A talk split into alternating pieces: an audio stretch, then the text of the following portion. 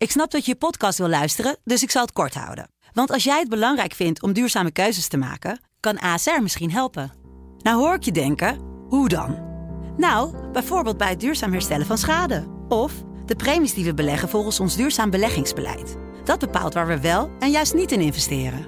Wil je meer weten over welke duurzame keuzes ASR maakt? Ga dan naar asr.nl slash duurzame keuzes. ASR doet het. Zo, dan kan je nu lekker naar je podcast luisteren. Dit is een podcast van de Telegraaf. Ik vond de uithaal van Dijkhoff wel echt weer typisch een beetje verkiezingsretoriek. Dat hè? Hoekstra buiten zijn boekje zou praten Ja, eh, denk over ik, oh, dat eh, Haagse het openen van de scholen. Ja, het is verkiezingstijd. Precies, en oh, dat mag je het niet zeggen. En oeh, dat gaat toch over financiën. Dan denk je, je bent gewoon jaloers dat je het niet zelf als eerste hebt gezegd. Afhameren met Wouter de Winter. Zo Wouter, ja, we gaan het natuurlijk nog hebben over corona, vaccinatiebewijs, avondklok, dat soort zaken. Maar je merkt en je voelt toch dat die verkiezingen er nu Ja. echt aan gaan komen. 17 maart gaan ze eigenlijk daadwerkelijk dan eh, plaatsvinden? Want de burgemeesters die eh, hebben hun bedenkingen daarover. Ja, de laatste informatie die ik daarvan hoor is dat ze doorgaan. Omdat het uitstellen ervan eh, zo'n enorme ja, ingrijpende gebeurtenis is. Bovendien weet je ook niet wanneer het op een later moment ja, dan, dan wel zo zou, zou kunnen. Hè. Er is voortdurend een verrassing met betrekking tot de ontwikkeling van het virus. En ehm, het wordt eigenlijk alleen maar strenger. Er wordt natuurlijk ook eh, nu alweer gesproken over het verlengen van de avondklok. Dus paardenmiddel op paardenmiddel. Eh, ja, dan zou je verkiezingen tot onbepaalde tijd gaan uitstellen, of dan in juni of zo. Ehm, ligt politiek ook eh, gevoelig. Hè? Een partij als de PVV staat natuurlijk eh, eh, ja, op mooie winst. Bescheiden weliswaar, maar wel, ja, wel knap als je het vergelijkt met andere oppositiepartijen. hè. Drie, 24 zetels. En nou, de, de, linkse karkassen waar we het de vorige week over hadden, die blijven daar toch echt, echt nogal bij achter. Dus het is niet in het belang van de PVV, het is ook niet in het belang van de VVD om het uit te stellen. Want de VVD is natuurlijk vier aan kop, dus die willen gra- graag ook afrekenen nu. Ik denk dat CDA eh, ook wel die kant op neigt vanwege het feit dat, eh, eh, nou ja, sinds Hoekstra is aangetreden het eigenlijk een stuk beter gaat.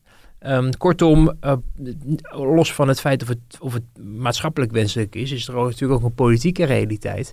Waarin sommige partijen zich denk ik ook echt fel zullen verzetten tegen, Hm. tegen uitstel. En als je het hebt over het managen van die coronacrisis, is dan zo'n verkiezing een, een hinderlijke onderbreking?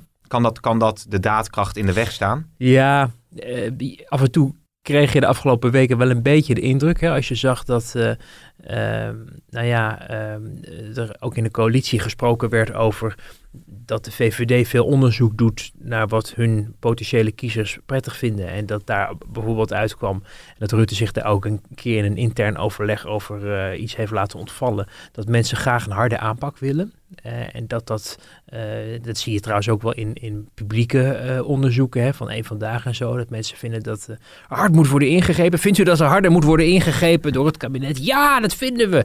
Totdat je zelf niet meer naar negenen ehm, de straat. Maar ik was gisteren eh, voor mijn werk naar negen nog op pad. En eh, een mevrouw die fietste eh, ergens in de plantagebuurt. En die werd aangehouden en eh, bekeurd voor 95 euro. En die helemaal hysterisch in. Oh ja? in- ja dus, dus dat is nog echt wel de praktijk die sommige Nederlanders eh, nog steeds treft. En ehm, ehm, eh, nou ja, je, je ziet dus dat mensen het te moeilijk vinden als het, hen, ehm, als het hen zelf aangaat. Maar in het algemeen zeggen van ja, er moet hard worden ingegrepen. En dat dat dus ook, leiden ze af in dat coalitieonderhoud met Rutte, ook een motivatie kan zijn voor de VVD om, om er hard in te gaan. Ja. Eh, en daardoor dus ook beïnvloed raken door ehm, ehm, eh, ja, het feit dat de verkiezingen aankomen in hun besluitvorming rond corona. Het viel mij heel erg op gisteren ook. We hebben het, dit, deze podcast opgenomen op vrijdag. Gisteren, donderdag, was het eh coronadebat. En nou, ik geloof dat Klaas Dijkhoff had twee zinnen gezegd. Of toen gaf hij eigenlijk al de sleutels van de besluitvorming eh, min of meer met een carte blanche eh, aan het kabinet. Van nou ja, u mag die avondklok wel verlengen. Mm. En koop ook wel met het Sputnik-vaccin. En Ja. eh, Ja. dat ging allemaal heel snel Ja. in ene. En daarin zie je dat in ieder geval een partij als de VVD nou niet vooraan staat om de boel te versoepelen. Je hebt het nu over Klaas Dijkhoff. Ik vind dat toch wel interessant, want dat was dus inderdaad donderdag. Afgelopen weekend zei hij op NPO 1 eh, dat eh, hadden die uit naar Hoekstra. Wordt hij een beetje naar voren geschoven? Ja, het zijn toch zijn, zijn, zijn laatste maanden in de politiek, zijn laatste weken. Dus Klopt. je kan er alles mee doen eigenlijk. Eh, Ja, en dat is op zich ook niet heel erg ongebruikelijk dat de fractievoorzitter van de grootste partij wordt ingehuurd voor het betere sloopwerk. Zodat de, de lijsttrekker, die dan de premier is hè, van de grootste partij, zich als een soort vader des vaderlands kan opstellen. Je hebt dat in de vorige periodes ook gezien onder kabinetten Balkenende, dat, dat iemand als Maxime Verhagen als een soort houdegen ging inhakken op, op Wouter Bos en, en, en alle andere PvdA'ers en wie er nog meer zeg maar, onder de bussen gegooid moest worden. Het is heel handig als je uh, de, de, de taken een beetje kan verdelen. Want mensen willen van de premier toch vaak graag zien iemand die boven de partijen staat. En dan de keiharde aanval is wel handig als een andere VVD'er dat ja. een beetje geloofwaardig kan doen. Ja, je moet het maar kunnen, toch? Je moet het maar kunnen. Ik vond de, de, de, de, de uithaal van Dijkhoff overigens een, ja, wel echt typisch een beetje verkiezingsretoriek. Dat Hoekstra buiten zijn boekje zou praten ja, over ik, oh, het Haagse het openen van de scholen. Ja, precies. verkiezingstijd. en oh, dat mag je niet zeggen. En oeh, dat gaat toch over financiën. denk je, bent gewoon jaloers dat je het niet zelf als eerste hebt gezegd. Ja, nou, dat is uh, duidelijk. Um, toch even een fragmentje, want uh, uh, over het reces, hè, daar komt verkiezingsreces aan. Het, het kwam gisteren voorbij. Henk Krol die had daar zo zijn gedachten over. En uh, Khadija Ariep die zette hem duidelijk op zijn plaats. De Kamer gooit de beraadslaging spreekt uit dat het parlementaire werk tijdens het voorjaars- en verkiezingsreces op dinsdagen en of woensdagen door te laten gaan en gaat over tot de orde van de dag. Meneer Krol, ik wil toch daar iets over zeggen. U heeft een filmpje, heb ik gehoord, uh, de wereld ingestuurd... waarin u zegt dat de Kamer vijf weken met vakantie gaat. Dat is niet het geval. Het is al meer dan 100 jaar gebruikelijk dat het parlement tijdens de verkiezingen gewoon drie weken verkiezingsreces neemt, zodat de verkiezingen worden voorbereid, campagne wordt gevoerd en mensen gewoon weten waar ze op kunnen stemmen. Dat is één. En het valt samen met schoolvakanties. Maar er wordt gewoon gewerkt. Debatten vinden plaats. Gewoon over corona vinden uh, debatten plaats. Dus ik vind het eigenlijk ook schadelijk voor het aanzien van de Kamer... dat dit soort filmpjes en de indruk wordt gewekt... dat wij vijf weken met vakantie gaan. Ja, en toen droop Krol af. Mm Vond het toch wel een opmerkelijke fragment ook dat Ariep zo uh, duidelijk dit statement maakte. Ja, plenaire in, in de Tweede Kamer uh, gebeurt niet vaak. Je, we weten wel dat uh, Ariep zich ook, ook in de Kamer wel over de filmpjes van Denk heeft uitgelaten. Hè, die, die richting Oostturk, nogal ook richting Azarkan. maar wat dat betreft is ze is consistent en ziet zij dat Krol nu ook ja, in een vlaag van, van wanhoop natuurlijk probeert om aandacht te genereren. Wat als één pitter natuurlijk alleen maar moeilijker is geworden. Um, en, en dus populistische uh, uh, montages uh, kennelijk onder zijn vlag de wereld in stuurt. Waarin de indruk wordt gewekt dat men vijf weken op vakantie gaat. Nu is er wel iets te zeggen voor het feit dat de recessen in Den Haag wel heel royaal zijn. Met name in de zomer. Hè. Dan mhm. is men acht weken weg. En met de kerst drie. En daarnaast is er nog twee in het voorjaar en één in, in de herfstperiode. Dat is overigens niet officieel bedoeld uh, als vakantie. Hè. Dat zijn uh, bedoeld dat je in recessen werkbezoeken aflegt. Nou ja, kom er maar eens om in deze tijd om nog werkbezoeken af te leggen.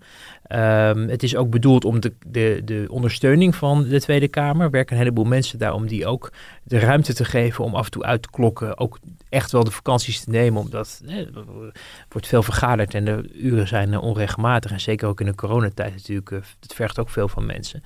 Um, maar richting verkiezingen is het heel gebruikelijk, en uh, Ariep uh, uh, wijst daar ook op, dat je een, meestal combineert een periode van campagne en in dit geval ook uh, de voorjaarsvakantie. En de voorjaarsvakantie die is elke keer een beetje rond die tijd. En daar komt dus nu een periode van campagnetijd, het zogenaamde verkiezingsreces, uh, achteraan. Dus dat hebben ze eigenlijk samengevoegd tot één verkiezingsreces. Maar wie zijn oor te luisteren legde uh, de afgelopen weken in de Kamer, kon al horen dat de meeste partijen niet verwachten dat dat verkiezingsreces zo zal zijn zoals het de voorgaande decennia is gebeurd. Omdat de coronacrisis ook ook in de Tweede Kamer voortdurend besproken zal worden. Of dat elke week zal gebeuren, moeten we maar even afwachten. Maar de, de, de grote coronadebatten, of als er dingen misgaan, zullen niet alleen op televisie gelukkig besproken worden in de verkiezingsdebatten of uh, bij de talkshows. Maar ook gewoon op de plek waar het thuis hoort, in de Tweede Kamer. Dus het is een, een, een, een, een valse manier van, uh, ja, valse voorstelling van zaken geven eigenlijk. Wat, uh, uh, wat Krol uh, doet, die een deel van de bevolking uh, lekker zal bevallen, omdat ze denken, ah, die, hè, die zakkenvullers in Den Haag, dat, dat, is natuurlijk ook niet vreemd. Uh, ja, maar... ik zag anderhalfduizend likes op Twitter bijvoorbeeld. Viel mij wel op. Ja, maar als, als, als we de, de likes op Twitter als maatgevend gaan nemen, ja. dan, nou ja, het is in ieder geval nou ja, een boodschap die met vervroegd pensioen, uh, denk ik, ja, Pim. Dus, het was in ieder geval een boodschap die ze rijkwijde had. Maar waarschijnlijk zou Ariep ook wel zoiets denken van... Uh, Henk Krol weet ook wel beter. Dat, en dat weet hij ook. Want uh, Henk Krol die, die draait ook natuurlijk voor 50 plus. Maar daarvoor ook bij de VVD, waar die, waar die vroeger werkte, al heel precies. lang mee. En weet dat het ook gewoon zo niet werkt. Nee nee, nee. Overigens uh, schreef jij deze week ook, ook nog een uh, in het vizier over wat je allemaal meemaakt als journalist. Wat toch intrigerend is, laten we het maar gewoon benoemen, is Hugo de Jonge. De, oh, ik dacht dat we het niet over hem zouden hebben, deze uitzending. Wat zei je? Ik dacht, we nou, gaan het niet over Hugo omdat de Jonge jij het over die, Omdat jij het over die coronadebatten had, ja. dacht ik van ja, we ontkomen er niet helemaal aan. Want er was natuurlijk een hele deemoedige Hugo de Jonge Ja. deze week. Ja. En we, we hebben het ook niet zoveel over andere media. Maar er ontstond op een gegeven moment een beetje een toon van ja, ehm, we zijn allemaal met z'n allen wel heel erg kritisch. En, en dat fragment, dat heb ik ook teruggezien eh, van collega Niels Richter, Ja. die een hele relevante vraag had aan Hugo de Jonge. Ja. Daar reageerde Hugo de Jonge op van eh, ja, ik hoop dat we allemaal dat er ook een prik is tegen, negen, tegen Ja, dat negatieve ook hè? tegen de negativiteit helpt. eh, Dat, dat ja. is wel, dat, dat, dat maakt het, het journalistieke werk ergens toch ook alweer ingewikkeld of zo. Nou, je ziet natuurlijk dat mensen begrijpelijkerwijs veel meer aangehaakt zijn over wat er rond eh, de corona uit Den Haag komt dan ze misschien in normale tijden eh, met interesse naar Den Haag zouden kijken. Omdat het gaat over echt beslissingen vallen die echt impact hebben direct op je leven. Of je niet meer naar buiten kan, of je, Ja. eh, je, je, je familie mag zien, of je vrienden mag opzoeken. Wanneer die vaccins komen die je misschien wel je leven kunnen redden. Dat zijn hele zware dingen. Dus de bevolking kijkt mee, ook met de persconferenties. En ja, dat is op zich moet je daar als journalist ook niet eh, ingewikkeld over doen. Want je zit er immers voor het volk, als ik het Hm. zo mag noemen. Hè. Je zit er voor de mensen in- het land. Wij maken een krant daarvoor en een website en, en podcasts en filmpjes. Maar ehm, nou ja, de, de, we doen het niet voor onszelf. Hè? En, en dat is echt ook een kracht van onze, van onze krant. Dat we ook de stem eh, en de gevoelens die onder de bevolking leven. eh, ook al zijn we er misschien persoonlijk het niet altijd over mee eens. Maar dat we die wel voorleggen aan Ja. de mensen die de zware beslissingen nemen. Eh, omdat ook de mensen die, hè, veel mensen zitten ook te kijken, en die wi- willen ook gehoord worden. En die willen ook dat die vragen gesteld worden. En dan kunnen ze vervolgens zelf kunnen ze uitmaken of ze het antwoord overtuigend vinden. Eh, maar als je de, de fout op fout op fout en blunder op blunder op blunder ziet gebeuren in het coronadossier. Even los van de enorme zware opgave Ja. en onorthodoxe tijd die de jongen doormaakt. Eh, mensen vinden daar wel wat van. En die hebben op een gegeven moment het idee van... ja, wat is het daar voor puinhoop? Mm. En waarom zijn dit soort essentiële dingen nog niet goed geregeld? En gisteren was er weer wat mis met de, met de naalden. Dat je denkt, hoe, hoe is dat het er van die mogelijk? wachtrijen stonden. Ja, ja. en, en dat, en, ehm, ja, maar er waren ook geen naalden eh, bij een bepaalde locatie. Dus er waren wel vaccins en, en, en hekjes waar je achter moest staan, Ja. maar dan niet de goede naald. Nou, weet je, dus er gaat gewoon veel mis. En dan willen mensen op een gegeven moment ook weten van, ja, eh, hoe lang gaat dit nog door en kan je dit nog wel aan? En ehm, je ziet bij de jongen die daar dan wat getergd op reageerde, hoewel hij dat de afgelopen 48 uur volgens mij ook wel aardig heeft verwerkt. Want je hoorde een hele andere toon de twee dagen na die Dan bij de persconferentie. persconferentie inderdaad. Ja, maar ook, ook hebben, ik had dan zelf een akkefietje met Diederik Gommers eh, op televisie. Dat je, En jij zei daar gisteren weer wat over bij je. Ja, ja. nu ik het toch erover heb. ja, Een gommersje uithalen, geloof ik. Nee, nee ik, ik, ik zei dat zij de Diederik Gommers van de avond Ja, was. Omdat zij zei, ja, nu gaat iedereen aan mij allemaal dingen vragen van waar, waar ze zelf het antwoord niet op hebben. En eh, weet je, Gommers is natuurlijk eh, buitengewoon deskundig op zijn vakterrein. Hè? En, eh, het is ook heel fijn dat, dat we de verhalen uit de ziekenhuizen ook in de media terugzien en terug horen en teruglezen. Zodat we ook als mensen die niet met die hele vreselijke situaties daar te maken hebben, ons kunnen inleven onder welke hoogspanning daar gewerkt wordt. En welke uitdagingen er zijn. En welke zorgen er zijn. En welke tips mensen hebben over om te voorkomen dat dingen daar uit de hand lopen. Alleen wat wel gebeurt bij mensen die, veel, die van, van zeg maar nul tot ineens midden in Ja. de belangstelling staan eh, op televisie. En waar mensen dan zeggen, oh die is geweldig. Want dat is een, een verhaal of een geluid of een voorkomen dat we zelden tegenkomen. Dat mensen in zichzelf gaan geloven en denken, ja, ik ben toch godgezonde. Dus ik heb overal verstand van. En, en dat heb ik gewoon subtiel aan Gommers toen hij zei... ja, er moet een andere strategie komen en dit en dat. We hebben natuurlijk al de kersttrui gezien. En we hebben gezien met die, die, die Femke Louise. Femke Louise, zeker. Uh, uh, gewoon mensen die ineens denken dat alles wat zij zeggen relevant is. Ja, maar het wordt wel zo gezien dat, dat, dat het, het prettig is... dat, dat iemand als uh, Diederik Gommers het gesprek aangaat met Femke Louise... in een tijd dat ze natuurlijk de kop eraf werd gehakt Tuurlijk. ongeveer. Met ik Tuurlijk. doe niet meer mee. Maar, maar Diederik Gommers heeft op een gegeven moment ook geadviseerd dat de verkiezingen maar moesten worden uitgesteld. Weet je? Nou, dat zijn gewoon geen beslissingen die een intensivist, uh, uh, zeg ik dat goed? Intensivist, intensivist ja, ja zie, volgens mij wel. Ander vakgebied. uh, dat, dat, en, en, nou ja, om, en dat gewoon simpel te vragen. Omdat hij ik kreeg een heleboel positieve respons van mensen. Die zeiden van eindelijk dat iemand eens tegen hem zegt uh, hè, schoenmaker hou je bij je leest. Ik probeer dat zelf overigens ook vaak te doen. Hè. Vraag mij niet over voetbal. Hè. Dat doet even Jinek ook heel vaak. Nou, wat vind je nou van dat die Haller niet is ja, ingeschreven voor de Europa League? Hoe de, cares? nou, geen, nou, ik geen, voetbalpodcast. Geen geen bonus voor de Ajax-directeur en met door of zo. Ja, weet je. Maar ieder, ieder zijn vakgebied, ieder zijn, zijn expertise. En, en uh, soms ontkom je niet aan, nee. want die talkshows die zijn erop. Gisteren vroegen ze ook aan mij voor de uitzending. Heb, heb je een opvatting over de leeuwen van Artis? Nou, heb jij vast wel een opvatting over. Is het doorgestoken kaart of niet? Nou ja, gewoon journalistiek stel je de vraag. Goh, ik lees het, ik zie dit. Ik stel, ja. ik stel daar een vraag over. Maar het is gevaarlijk om als je, als je veel optreedt, uh, ja. dat, dat, dat, dat je je maar overal deskundig over baant. Voor een politicus is dat overigens ook zo. Hè. Die, die moet natuurlijk, uh, sommigen zijn heel deskundig over, over zaken, maar anderen niet. En uh, ook met ministers. Die, dus de minister van, van Volksgezondheid ineens gaat meelopen praten over de, de, de tunnels onder de Maas of En dan denk je ook bij jezelf van, huh? Ja. Maar uh, goed, uh, uh, Niels had dus inderdaad de vraag van ja, waarom is er dat voorschot genomen op die, op die prikcijfers en is niet gewoon feitelijk afgewacht totdat de daadwerkelijke cijfers aangeleverd worden, dat je niet die, ja. die correcties hoeft te doen. Ja. Nou, daar werd dus een beetje kribbig op gereageerd. Paniek. Het een, een, paniek. Ja. Het was gewoon paniek. Het was, iedereen zag en er was ook interne druk en ook in het kabinet zelf dat mensen ook niet begrepen hoe dit allemaal mogelijk was. Mensen begrepen al voor de kerst niet waarom het allemaal zo lang moest duren. Een letterlijk citaat van een bewindspersoon die ik ook in mijn column heb geschreven. Hè. Ik begrijp ook allemaal niet waarom het zo lang moet duren.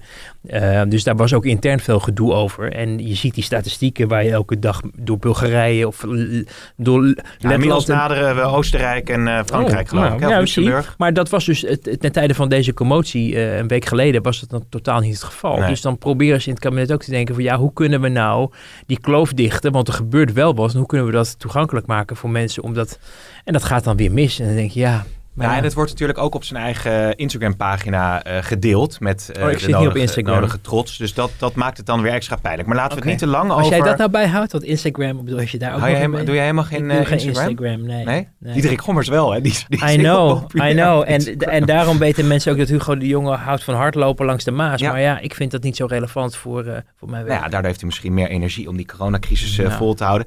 Maar laten we de Jonge even, even nu liggen. Ja. Oké, okay. dan weer over de, de campagnestand. Ja. ik, uh, ik kan het toch niet laten om nog heel even dat uh, fragmentje van het interview met Sigrid Kaag te laten horen. Het was eigenlijk een, een verlengstuk van jouw column, want het ging over hoe lang moet een premier Oh, dit is het momentje, we citeren uit eigen werk. Eigen ja, werk. Okay. Maar jij was de, de aanstichter, ah. want, want, jij schreef in jouw column Collusie. over de termijn dat, dat, de, dat, dat deze Kaag had geopperd van nou moet een premier niet maar acht jaar blijven zitten. En ik vroeg haar of dat niet ingegeven was door de verkiezingen. Stond die acht jaar ook in het verkiezingsprogramma van deze? Dit is een uh, vernieuwing, nee, dat is okay, mijn mening. Want het ja. lijkt dan alsof het is van nou de strijd met Rutte. Dus dan, ja, dan verkondig ik het, want dan is het tijd voor hem om uh, te gaan. Ja, dat is heel, heel laag gedacht. Ik, ik, ik, ik denk dit al jaren en ik citeer Lachtar Brahimi, dat heb ik gisteravond ook gezegd. Um, die zei toen hij het, Afghaanse vredesproces uh, begin de jaren 2000 had opgestart, was dat op de top van zijn carrière. Iedereen wilde dat hij maar bleef en zou aanblijven en ga maar door, ga maar door. Toen sprak hij de wijze woorden. Toen ik kwam had ik een paar goede ideeën. Het is nu tijd voor iemand anders met een paar goede ideeën. En dat is heel belangrijk, vind ik zelf, uh, als professional en mensen in de politiek of in het bedrijfsleven. Veel CEO's blijven ook niet twintig jaar zitten. Ja, ik, ik, ik, ik had dat interview gehad. Ik kwam aanrennen vanuit de parkeergarage en ik denk, wat zegt ze nou weer joh? Lakhdar Baghimi? Ja. Ik heb ja. het, het, is, het is ja, ingezand geloof ik, uh, nou ja, uit uh, 2000. Maar, maar dat is ja. Ja, ik weet niet. Ik vind hem echt. Ik, ik, ik, ik had het interview gedraaid en ik eh, belde Inge op, hè, de, onze parlementaire chef. En ik, ik dacht, wat, wat zegt ze nou allemaal? Dus die kwam even kijken. Ja, die zei online zetten, want dit tekent wel de persoon eh, Kaag. Dat ze zo reageert. Ja, het is natuurlijk, en goed, dat heb ik ook dinsdag in mijn column opgeschreven, een, een, een bijna wanhopige poging om de spelregels te veranderen, zodat je het spel kan winnen. Hè? Ehm, toen um, Sigrid Kaag minister werd, een paar jaar geleden, toen was ze niet bezig met dat soort dingen. Had ze geen principes over iemand moet maar twee, twee jaar of twee termijnen uh, uh, premier zijn. Dus ja, ik vond, ik vond het een beetje treurig en het, het, het, tekent ook een beetje de wanhoop van, van D66. Het gaat natuurlijk totaal niet goed met die partij. De grootste vergezichten over, over het leveren van de premier um, met, met, met een zetelaantal van, van wat schommelt rond de tien. Uh, of misschien, nou, laat ik ze, laat ik, volgens mij was het 13. Maar het is niet, het is niet 35 of zo.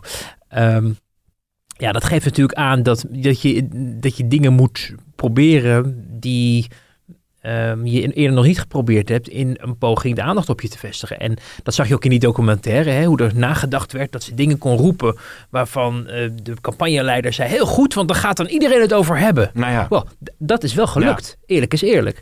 Uh, maar ja, of het een heel geloofwaardig uh, koers is, is een tweede. En ja, wat zich wel ontvouwt in zo'n gesprek wat jij met haar hebt. En ik, ik denk dat we dat ook gaan zien de komende tijd in de verkiezingsdebatten. Dat zij toch een, uit, een, uit een wereld komt uh, die, die indrukwekkend is. En, en ik denk ook belangrijk. Ik denk dat ze een hele goede diplomaat is. En, en niet voor niks daar echt punten mee heeft gescoord toen ze, toen ze dat, uh, dat deed in het buitenland.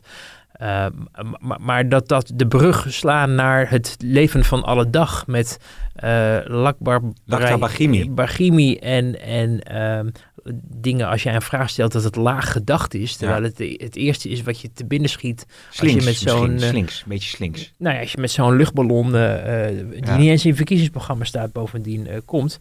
Uh, ik vroeg ook bij D66, van waarom staat niet dit verkiezingsprogramma? En toen kreeg ik terug, vind je, vind je dat nog niet dik genoeg dan? Oh, ja, serieus. Ja, zo lust ik er nog wel het al jaren. Wat? Ze denkt het al jaren, ja. zei ze. Maar goed, ja, nou ja, goed. Maar het, het is, genoeg het is, daarover. Ja, het was een opmerkelijke fragment. Ja. Um, Wopke Hoekstra, die kwam trouwens ook geloof ik met, eh, met een initiatief. Want vanavond op deze vrijdag is geloof ik het CO, of vanmiddag het COC-debat. Volgens mij is dat, uh, dat het eerste debat dat de degens worden gekruist met... Uh, ja. en, en hij kwam met een soort aanspreekpunt... Uh, waar dan uh, uh, ja, geweld tegen de LHBTI-gemeenschap ja, kan worden gemeld. coördinator, Coördinator. zoals je ook tegen antisemitisme hebt. Ja, interessant voorstel natuurlijk van, van het CDA, die er, die er dus ook bij is bij dat debat. VVD is er niet, Forum is niet, PV is er geloof ik ook niet. Um, Hoekstra is, is een, een nieuwe generatie. Uh, ook echt een nieuwe generatie CDA. Als je met hem spreekt, dan hoor je ook uh, ja, een hele andere aanvliegroute, woordkeuze, opvattingen dan je gewend bent uit de tijd van, ja, die ik dan zelf nog aan de lijve heb meegemaakt, de tijd Balkenende. Uh, waar toch ook wel een beetje de, hè, de normen en waarden, de spruitjesgeur van afdampte. Dat was ja. natuurlijk het verwijt destijds. Maar laten we wel wezen, dat premierschap, ik bedoel, vier kabinetten. Uh, eentje natuurlijk een, een, een, tijdelijk kabinet, maar het, heeft wel, het sloeg wel aan. Hè? Ja. Dus, dus daar moet je ook niet licht, lichtzinnig over doen. Um, maar goed, Buma was ook nog wel van de redelijke conservatieve koers en opvattingen en ook wel de normen en waarden en het volkslied in de klas en uh, nou allemaal hartstikke leuk. En Hoekstra die is toch, merk je, uh, ja, een nieuwe generatie met, met nieuwe, modernere opvattingen. Uh, bijvoorbeeld over uh, de LHBTI-discussie en in zijn senatorschap, wat hij dus deed voordat hij minister werd, heeft hij ook als enige van zijn partij voor het lesbische ouderschap gestemd hm. en ook voor het verwijderen of het onmogelijk maken van de, de weigerambtenaren. Ook een heel erg gevoelig punt, terwijl uh, de rest van zijn partij dat uh, dus niet nodig vond om daarvan af te komen. Uh, dus hierin is hij eigenlijk redelijk consistent. En niet alleen hij, maar ook de rest in het CDA-smaldeel is men wel wat soepeler. Je ziet ook Vert Grapperhaus die zich uh, in de discussie toen over die anti-homo-verklaring dit najaar. Hè, die, die, confrontatie ja. met Arie Slob, die zich toen onhandig had uitgelaten in een debat. Over de scholen die dat uh, Die dan homo's mochten. Ja, ja, en dan, en dan uh, dat ook Grapperhaus, omdat Grapperhaus weet dat in de beste families homoseksualiteit voorkomt. Dat is mijn cryptische vermelding. En dan mogen de mensen zelf Oké. ontdekken Ja. wat ik daarmee bedoel. Maar Grapperhaus die, die ja, voelde zich daar kennelijk erg door aangesproken. Dat daar eh, paal en perk aangesteld Ja. moest worden. Eh, dus je merkt dat dat in, in, in ieder geval in de top van het CDA eh, eh, ja, wortel schiet. De vraag is natuurlijk in hoeverre is de rest van de, de, achterban en dan vooral het, het- de, de, niet zozeer de kiezers, want die kiezers zijn altijd meer hè, dan, dan de leden. Eh, maar die, die ledenclub die zich toch wel redelijk roerde toen Hugo de Jonge nog de lijsttrekker was, omdat ze Mhm. de ergste vrezen, die houdt zich nu heel erg gedijst. Omdat ze natuurlijk ook wel zien dat dit wel de laatste kans is om er nog wat van van te Ja. maken. Als je Hoekstra, eh, eh, als je Hugo de Jonge vervangt door Hoekstra vlak voor de verkiezingen. Eh, maar je ziet het ook op andere terreinen, niet alleen over LHBTI, maar ook over eh, artikel 23. Waar Hoekstra niet van zegt van dat moeten we eh, aanpassen. Maar hij is- heeft er wel heel duidelijk bij vermeld dat hij wel duidelijk vindt dat, dat artikel 23 geen vrijbrief moet zijn om, om mensen te discrimineren Ja. of rechten te ontzeggen. Ehm, dat komt weer heel erg in de buurt bij wat bijvoorbeeld de partij als de VVD nu ook vindt. Die dan wel het artikel of de grondwet wil aanpassen. En de PvdA wil dat ook. Dat wordt een heel interessant discussiepunt dus als er een formatie komt. Om te kijken in hoeverre eh, er echt geen wijziging komt. Of dat dit bijvoorbeeld wisselgeld is Ja. eh, van Hoekstra. Dat hij al de deur een beetje op een kier zet.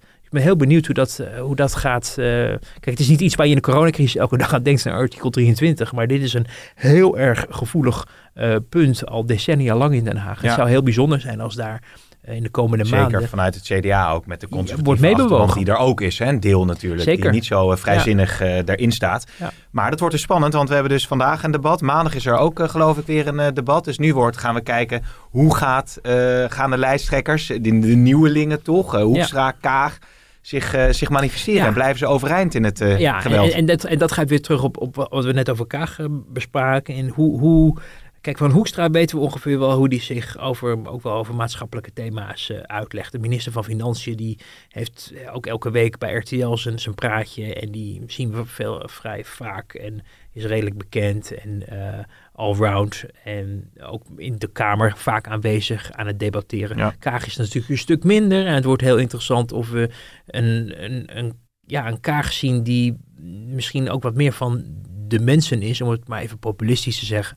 Maar, eh, en niet alleen maar over haar ervaringen als VN-diplomaat eh oreert. Ja. Want ik weet niet of je daarmee de, de rest van Nederland ook bereikt. Hoe, hoe belangrijk en nobel het werk ook is geweest in die jaren. Ja. Mag ik nog even, eh, voordat we naar eh, corona, ik stel dat corona steeds verder uit. Ja, we hebben het er al vijf keer over gehad, Ja. geloof ik. Dus- Ja, uiteindelijk wel. Maar ik even de krant eh, open. Dat horen de luisteraars natuurlijk ook dan zo. En dan zie ik hier, viel mij nog op, dat de Kamer een onderzoek wil in de zaak eh, Potsch. ja. Ehm, toch even aanstippen. Ja. Want eh, ja, D66, SP, GroenLinks, PvdA, PV en ChristenUnie, die hebben daarom eh, gevraagd. Dan gaat het natuurlijk over eh, welke invloed heeft het Koninklijk Huis eh, gehad uiteindelijk in de vervolging eh, en de eh, uitlevering van Potsch. Gaat, gaat dit nog eh, etteren? Nou, ik, ik weet niet of het wat gaat opleveren. Onderzoeken van de Rijksrecherche hebben sowieso niet de, de, de reputatie dat ze met grote eh, onthullingen en vergezichten komen. Maar je kan het nooit uitsluiten. Het zou wel raar zijn als dat nu ineens wel gebeurt voor Hmm. iets wat 14 jaar geleden. Hè, want toen was dat telefoontje eh, dan eh, gegaan naar iemand die zich identificeerde als komende of sprekende namens het kabinet van de koningin. Want toen, toen zat Beatrix nog op de troon. Ehm, ja, we hebben natuurlijk een nagevraag gedaan in Den Haag ook. Eh, ook naar aanleiding van het rapport waarin gezegd dat telefoontje is er geweest. Eh, de vraag is wie heeft het telefoontje gepleegd? Ja, Eh, er was ook wat twijfel over of hoe, hoe, hoeveel waarde we moeten hechten aan de getuigenis. Want hoe, zo zou je weten, 14 jaar nadat er iets is gebeurd, nog precies weten dat het iemand zei van het is zo zielig voor Maxima. Kun je niet stoppen ermee. Maar er zijn ook wel weer mensen, ook, ook echt wel hoog in de bomen eh, in Den Haag, die wel zeggen, ja, sommige gesprekken kan je je herinneren. Eh, ook al weet je ze niet letterlijk meer, maar de portée van sommige gebeurtenissen in je leven, die, die onthoud je wel, ook al is het 10, 20 of 30 jaar geleden.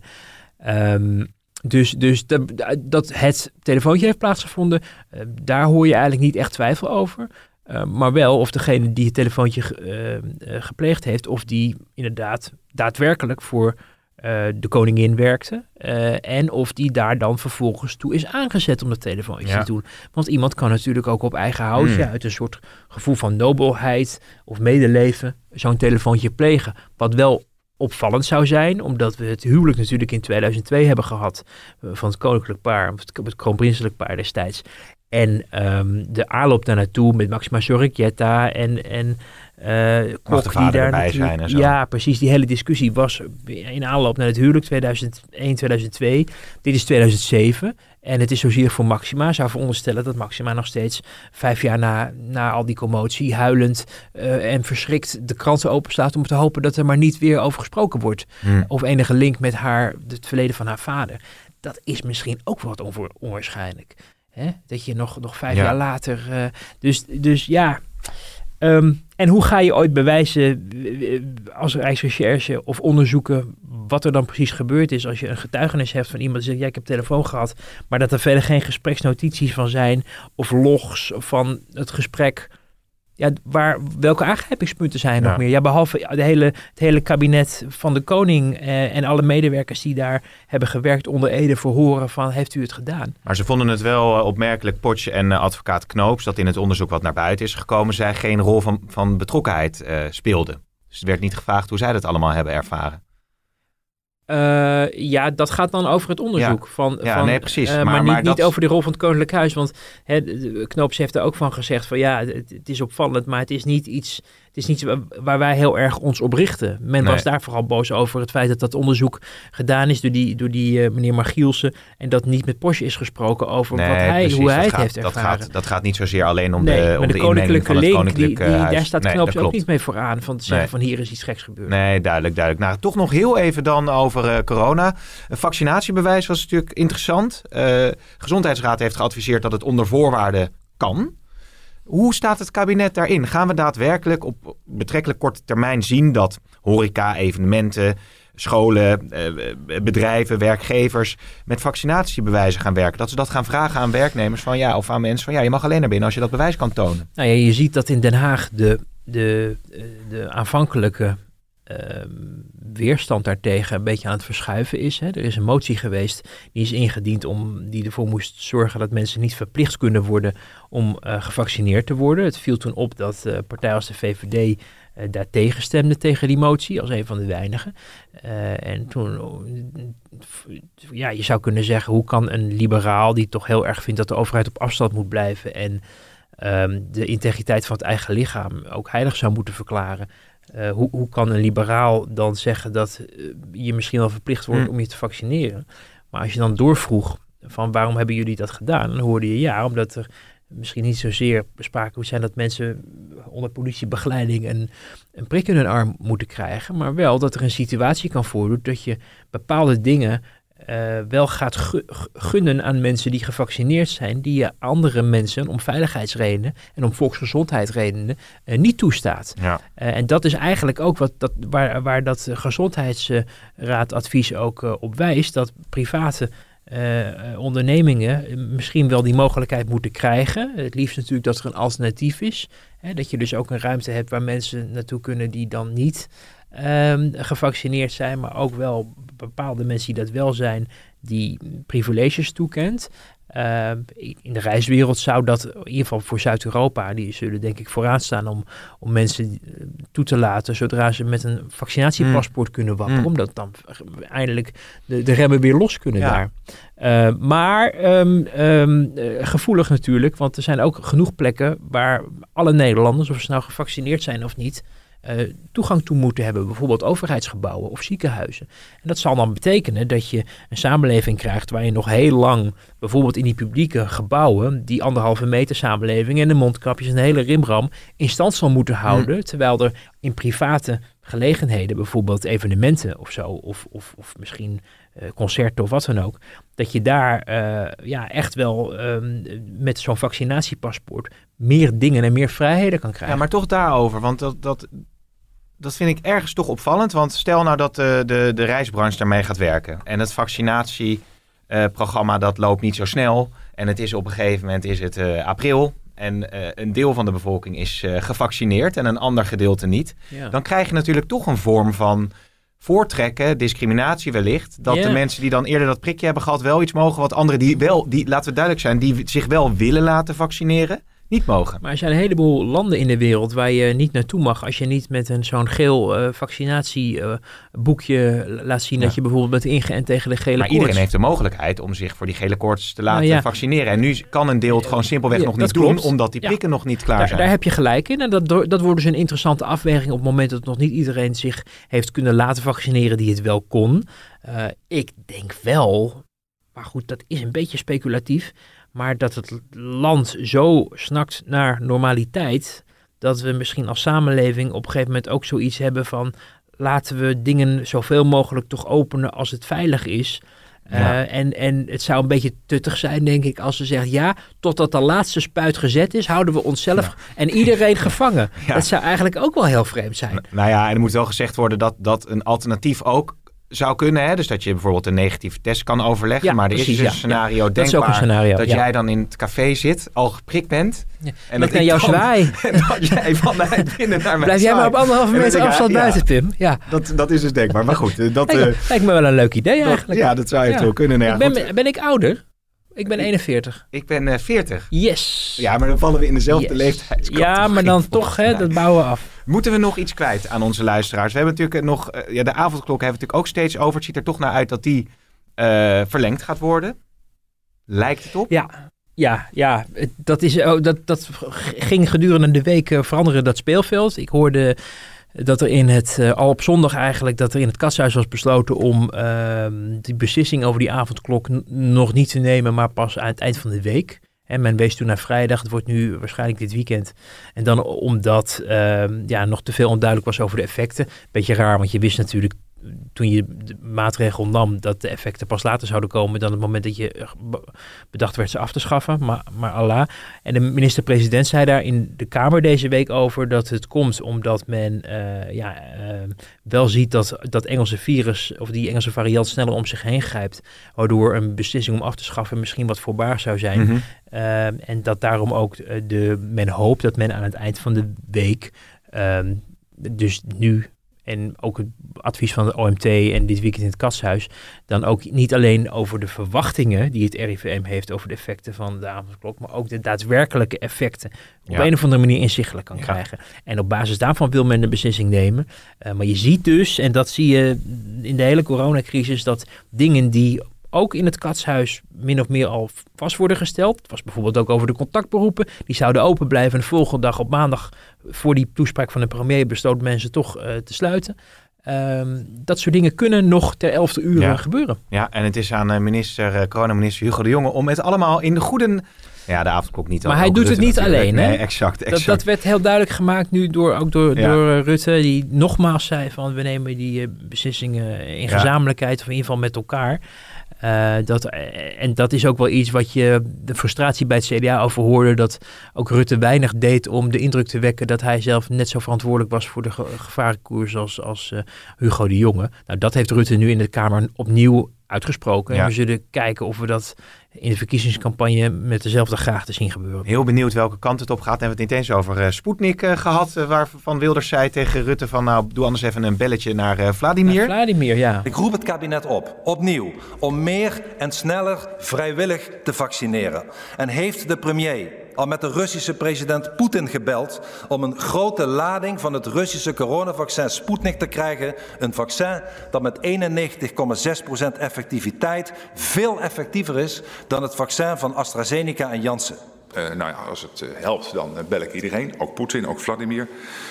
we kunnen Duits praten met elkaar, dus dat gaat prima. Want we hadden zo'n goede band, weet je, met Dus MH17. ze praten Duitsers samen. Diplomatie in elkaar werden geramd en zo. En eh, nu gaan we met, met de pet in de hand kennelijk vragen om de vaccins. Nou, gelukkig werkt het niet zo. Hè. De, dat, dat, dat medicijn, medicijnfabrikant moet zelf aan de EMA aanbieden van wilt u naar ons, eh, naar ons onderzoek kijken. En wat ik hoorde van een virologe was dat daar ook een risico aan kleeft. Omdat ze dan ook al hun data moeten overleggen op wie ze dit allemaal getest hebben. En de vraag is of, hoe representatief, representatief dat is als je het kijkt en vergelijkt met andere uh, medicijnen uh, of andere vaccins. Ja. Je moet, moet, het moet wel representatief zijn op meerdere plekken in de wereld, meerdere leeftijdscategorieën. En uh, we weten niet of, of dat Sputnik dat ook gedaan heeft. Dus dat zou betekenen dat zij ook met de billen bloot moeten. Eh, en de reden dat het nog niet is aangeboden, ja, misschien heeft het het ene wel met het andere te maken. Ja, precies. Wordt allemaal vervolgd. Geen dag saai. Wouter, eh, dank en tot snel. Joep.